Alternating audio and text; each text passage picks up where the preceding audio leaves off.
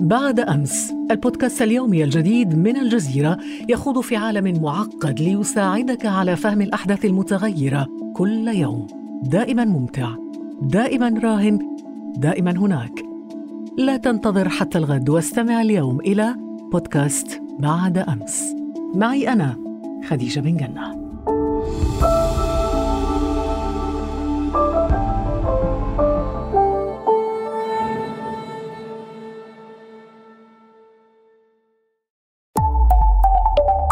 الجزيرة بودكاست.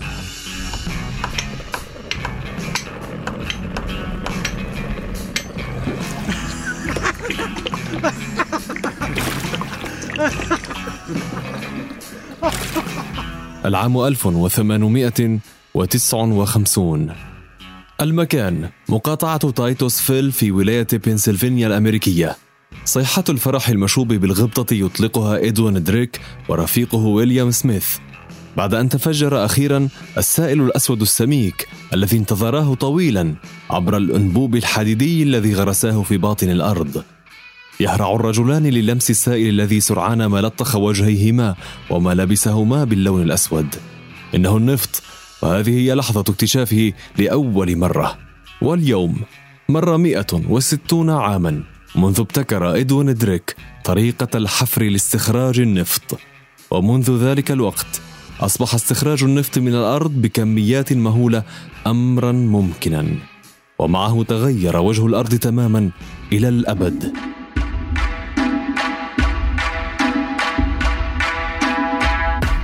في هذه الحلقة سنروي لكم قصة إدوين دريك ورحلته في استخراج النفط.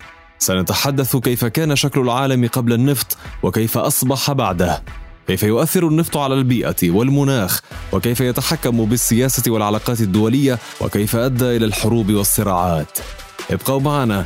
أنا فريد وسأكون معكم في هذه الحلقة الجديدة من بودكاست لحظة من الجزيرة. يعتبر النفط أو ما يعرف أيضا بالبترول واحدا من ثلاثة أنواع من الطاقة يتم استخراجها من الأرض وهي النفط والفحم والغاز الطبيعي. عرفت البشرية النفط قبل لحظة اكتشاف دريك له بآلاف السنين واستخدمت ما كان يطفو منه على سطح الأرض بطرق بدائية ومحدودة. لكن لحظة استخراج النفط في تايتوسفيل مثلت علامة فارقة دفعت لموجة كبيرة من الاستثمار في عمليات التنقيب عن النفط واستخراجه بكميات كبيرة. ومنذ ذلك الحين هيمن البترول تدريجيا على جميع مناحي الحياة بشكل تام. اسمي خالد الثلث أعمل في مجال حفر آبار النفط في غرب ولاية تكساس. ووظيفتي هي mud logger وهي إني براقب وبحلل الطبقات الجيولوجية اللي بيحفروا فيها. هذا كان صوت خالد محمد الثلث والذي يعمل كجيولوجي آبار نفط في شركة سلمان وشركائه بغرب تكساس في الولايات المتحدة الأمريكية. وقد قابلناه وحدثنا عن النفط وأنواعه خلال التاريخ.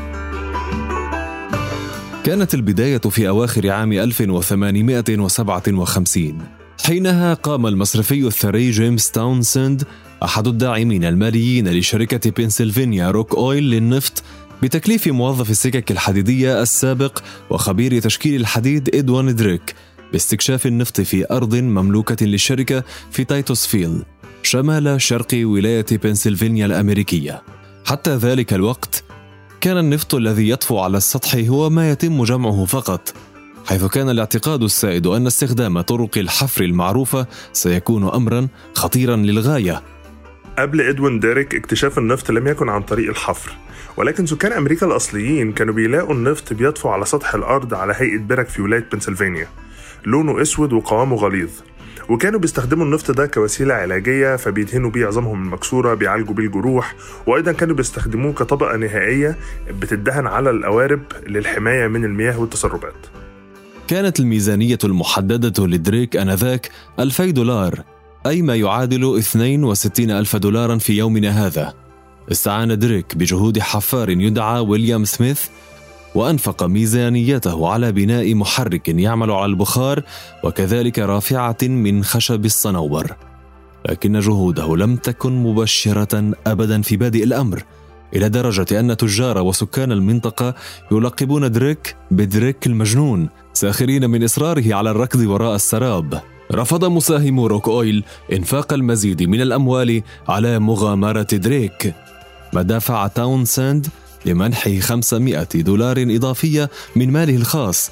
استخدمها دريك في ابتكار طريقة جديدة للحفر حيث دفع أنابيب حديدية إلى داخل الأرض وبدأ بالحفر داخلها. وكان الهدف من هذه الطريقة هو حماية البئر من تدفق المياه الجوفية التي يمكن أن تسبب انهياره.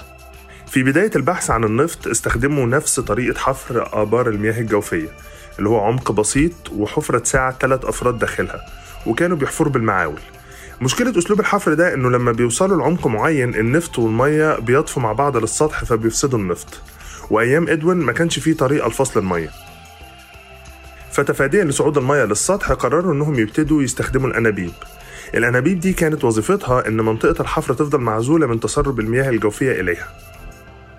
تقريبا الطريقة دي لحد دلوقتي هي المتبعة طبعا بتطور التكنولوجيا لكن هي دي الفكرة الأساسية إنه يتم إدخال الأنبوب جوه الأرض إلى مسافات عميقة جدا بحيث إن الحفرة اللي هم بيحفروها ما تنهارش. فمنها بيحفر ومنها في نفس الوقت بيسند الحفرة دي فيفضل محافظ على الجزء اللي هو حفره قائم في الأرض. حاليا حتى ومع تقدم التكنولوجيا لازالت المياه بتطلع بس بنسب أقل بكتير. وعلاوة على ذلك في مصانع التكرير واحدة من بدايات مراحل تكريرها للنفط هي بتكون فصل المياه. في صيف عام 1859 كان العمال يحفرون طيلة أيام الأسبوع دون توقف. وفي ليلة السابع والعشرين من آب أغسطس ذهب ويليام سميث وإدوين دريك للنوم. وعندما عادا إلى البئر صباح اليوم التالي وجد النفط يتدفق من الأنبوب الحديدي.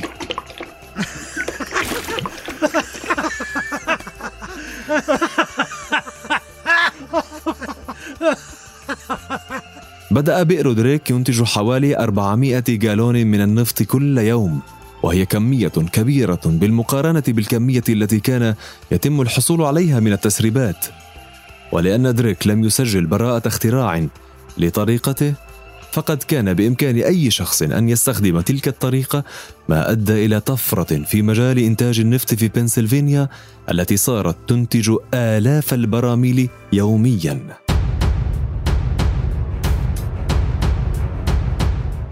لم تكن تلك اللحظة تاريخية لأمريكا فقط بل للعالم كله. وعلى الفور بدأ البحث عن النفط خارج حدود الولايات المتحدة وتوسع نشاط شركات النفط. وفي النصف الأول من القرن العشرين تم اكتشاف النفط بكميات كبيرة في عدد من الدول العربية منها العراق والبحرين والكويت والسعودية والجزائر. ولاحقا في عمان والإمارات وليبيا لتمتلك هذه الدول مجتمعة نحو 65% من احتياطات النفط في العالم. جاء النفط ليستبدل الفحم الذي كان المصدر الرئيسي للطاقة في البيوت والمصانع في أوج الثورة الصناعية، حيث كانت المحركات والآلات والقطارات تعمل على البخار المولد من الفحم. وفر ظهور النفط بديلا محبذا للفحم بسبب وفرته وسهولة نقله مقارنة بالفحم وسرعان ما انتقل العالم من المحرك البخاري المعتمد على الفحم إلى محركات الاحتراق الداخلي والتي تعتمد على النفط بمشتقاته المختلفة. ومع هذا الانتقال بدأ عصر هيمنة النفط حيث يكاد لا يخلو بيت أو شارع أو مصنع من منتجات النفط. فمن منا لم يستعمل شيئا مصنوعا من البلاستيك أو ملابس مصنوعة من البوليستر أو أقلام التلوين أو معجون العناية بالشعر أو كبسولات الفيتامينات. ليس هذا فقط فالقائمة تطول من الأسمدة والمبيدات الحشرية المستخدمة في الزراعة إلى إطارات السيارات ومستحضرات التجميل وصبغات الشعر وكذلك الأقراص المدمجة وحشوات الأثاث والعشب الصناعي وحتى أوتار الجيتار. كل هذه الأشياء مصنوعة من مواد مشتقة من النفط. دعونا ننظر في قطاع الطب كمثال.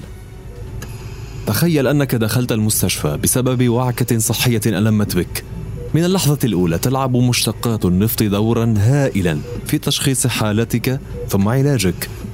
سيتم أخذ عينات الدم بواسطة الأنابيب البلاستيكية المصنوعة من مشتقات النفط. ولحمايتك من العدوى يتم استخدام مواد التنظيف والمعقمات التي تحتوي على النفط. وحتى الحقن والأنابيب والأكياس التي يوضع بها الدم والمحاليل الملحية كلها مصنوعة من مشتقات نفطية. والآن تخيل أنك ستبدأ العلاج.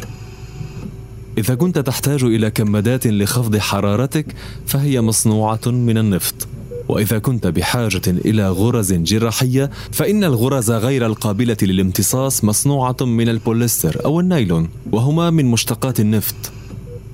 وحتى إذا كنت مصابا بمرض الشريان التاجي فسيتم إجراء عملية قسطرة لإعادة تدفق الدم عبر الشريان المسدود. وهذه القسطرة أيضا مصنوعة من السيليكون أو المطاط. وأخيرا وليس آخرا فإن جميع الأطراف الصناعية ونماذج أعضاء الجسم الحية والأوعية الدموية النموذجية كلها مصنوعة بواسطة تقنية الطباعة ثلاثية الأبعاد والتي تستخدم مادة بوليمر المستخرجة من النفط.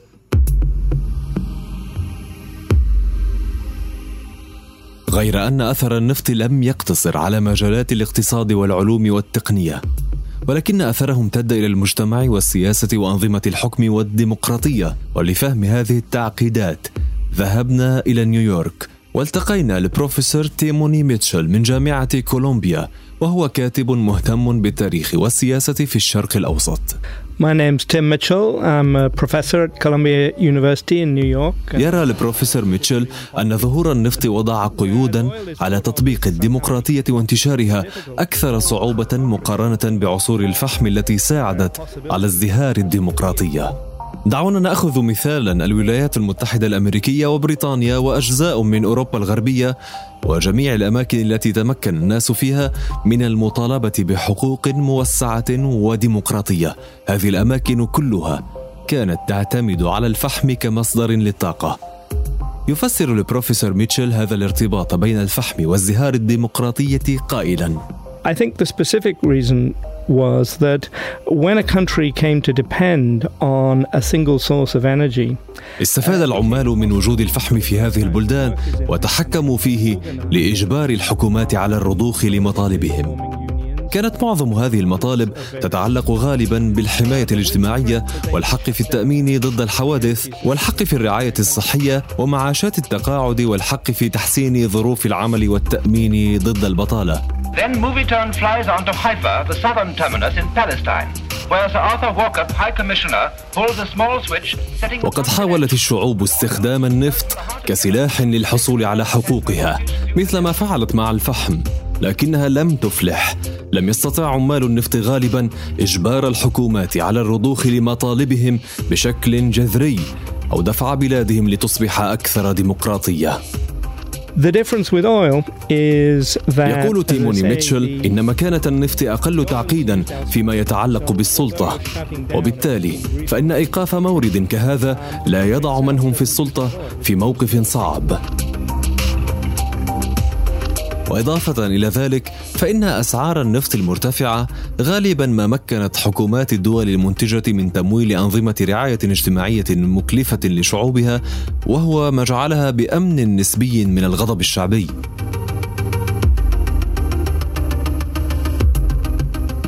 لكن هذا النفط الذي لا تستطيع أن تتخيل حياتك بدونه الآن يعتبر العدو الأول للبيئة.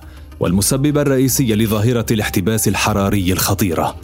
هذا النفط قد يكون عدوك الأول الذي يجب أن تخشاه.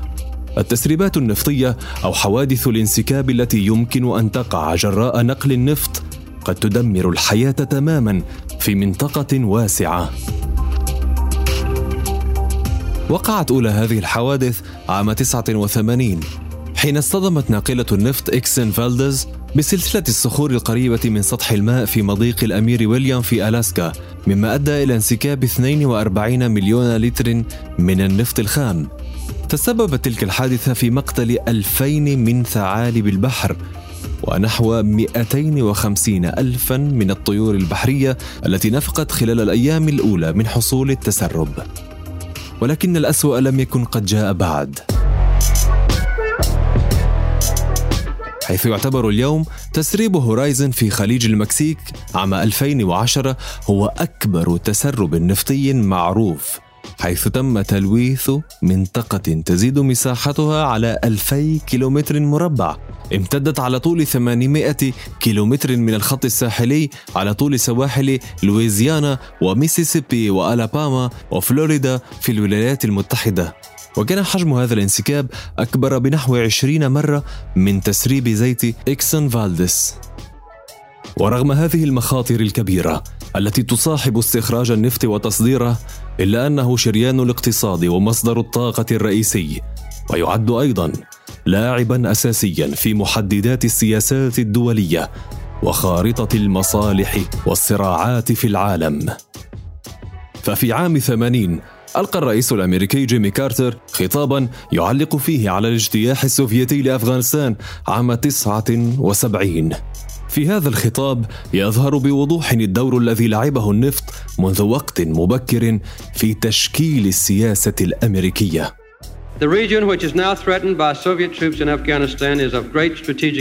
المنطقة المهددة من قبل القوات السوفيتية في أفغانستان لها أهمية استراتيجية كبيرة حيث أنها تحتوي على ثلثي النفط الذي يمكن استخراجه للاستخدام في العالم. تسبب الجهد السوفيتي للسيطرة على أفغانستان إلى وصول القوات العسكرية السوفيتية إلى مسافة 300 ميل من المحيط الهندي وإلى مكان قريب من مضيق هرمز وهو ممر مائي يمر عبره معظم نفط العالم. يحاول الاتحاد السوفيتي الآن التمسك بهذا الموقع الاستراتيجي وبالتالي يشكل تهديدا خطيرا لنقل نفط الشرق الأوسط بحرية.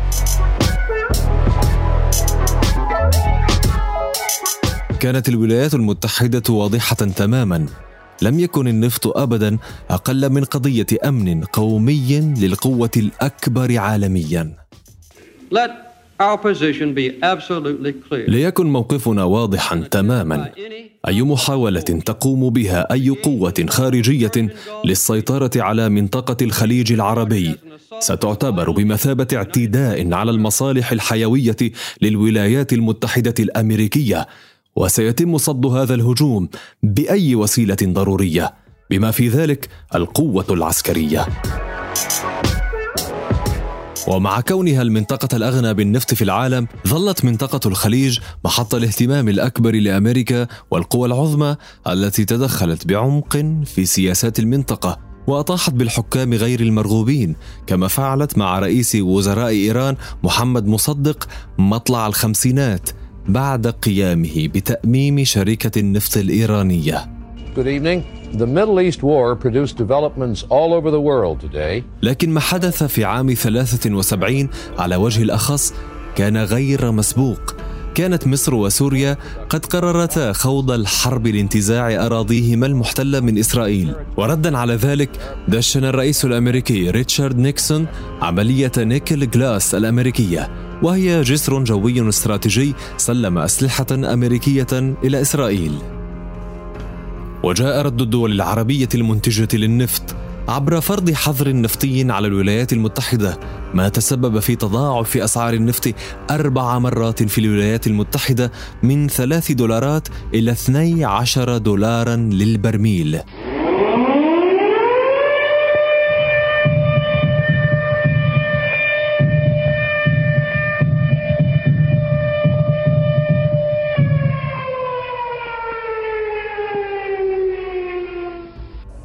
إخواني ماذا ننتظر؟ هل ننتظر الضمير العالمي؟ أين هو الضمير العالمي؟ إن القدس الشريف يناديكم ويستغيث بكم أيها الإخوة لتنقذوه من محنته ومما ابتلي به. فماذا يخيفنا؟ هل نخشى الموت؟ وهل هناك موتة أفضل؟ وأكرم من أن يموت الإنسان مجاهدا في سبيل الله. كان هذا خطاب الملك فيصل الشهير بعد قرار الدول العربية بوقف تصدير النفط إلى أمريكا. دام هذا الحظر قرابة 150 يوما كانت هذه هي المرة الأولى والأخيرة التي استخدمت فيها الدول العربية النفط كسلاح سياسي بينما ظل النفط يلعب دورا مهما في السياسة الخارجية الأمريكية.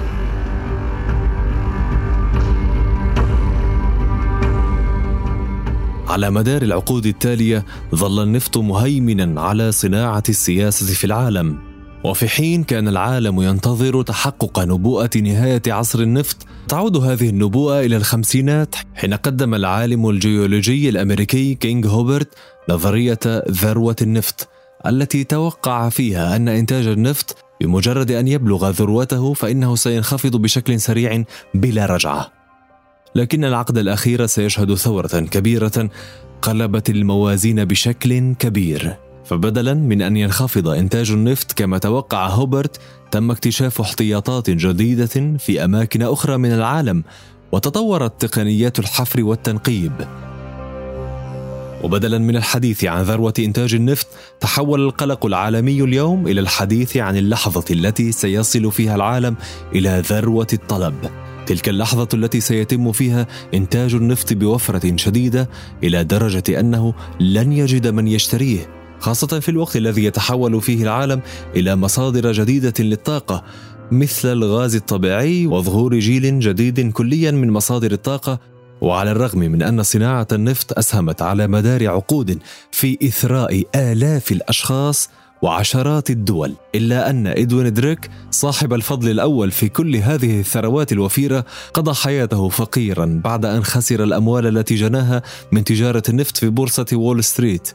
ولأنه لم يسجل براءة اختراعه لم يصنع ثروة من ابتكاره الذي لا زال يستخدم في استخراج النفط حتى يومنا هذا.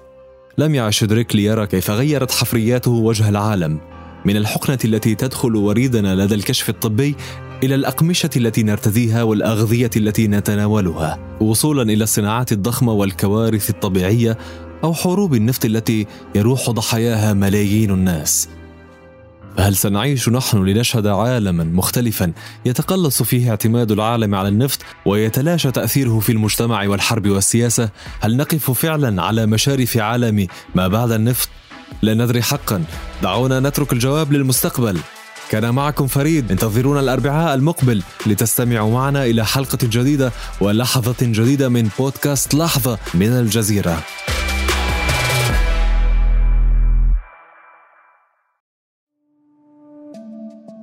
بعد أمس البودكاست اليومي الجديد من الجزيرة يخوض في عالم معقد ليساعدك على فهم الأحداث المتغيرة كل يوم. دائما ممتع دائما راهن دائما هناك.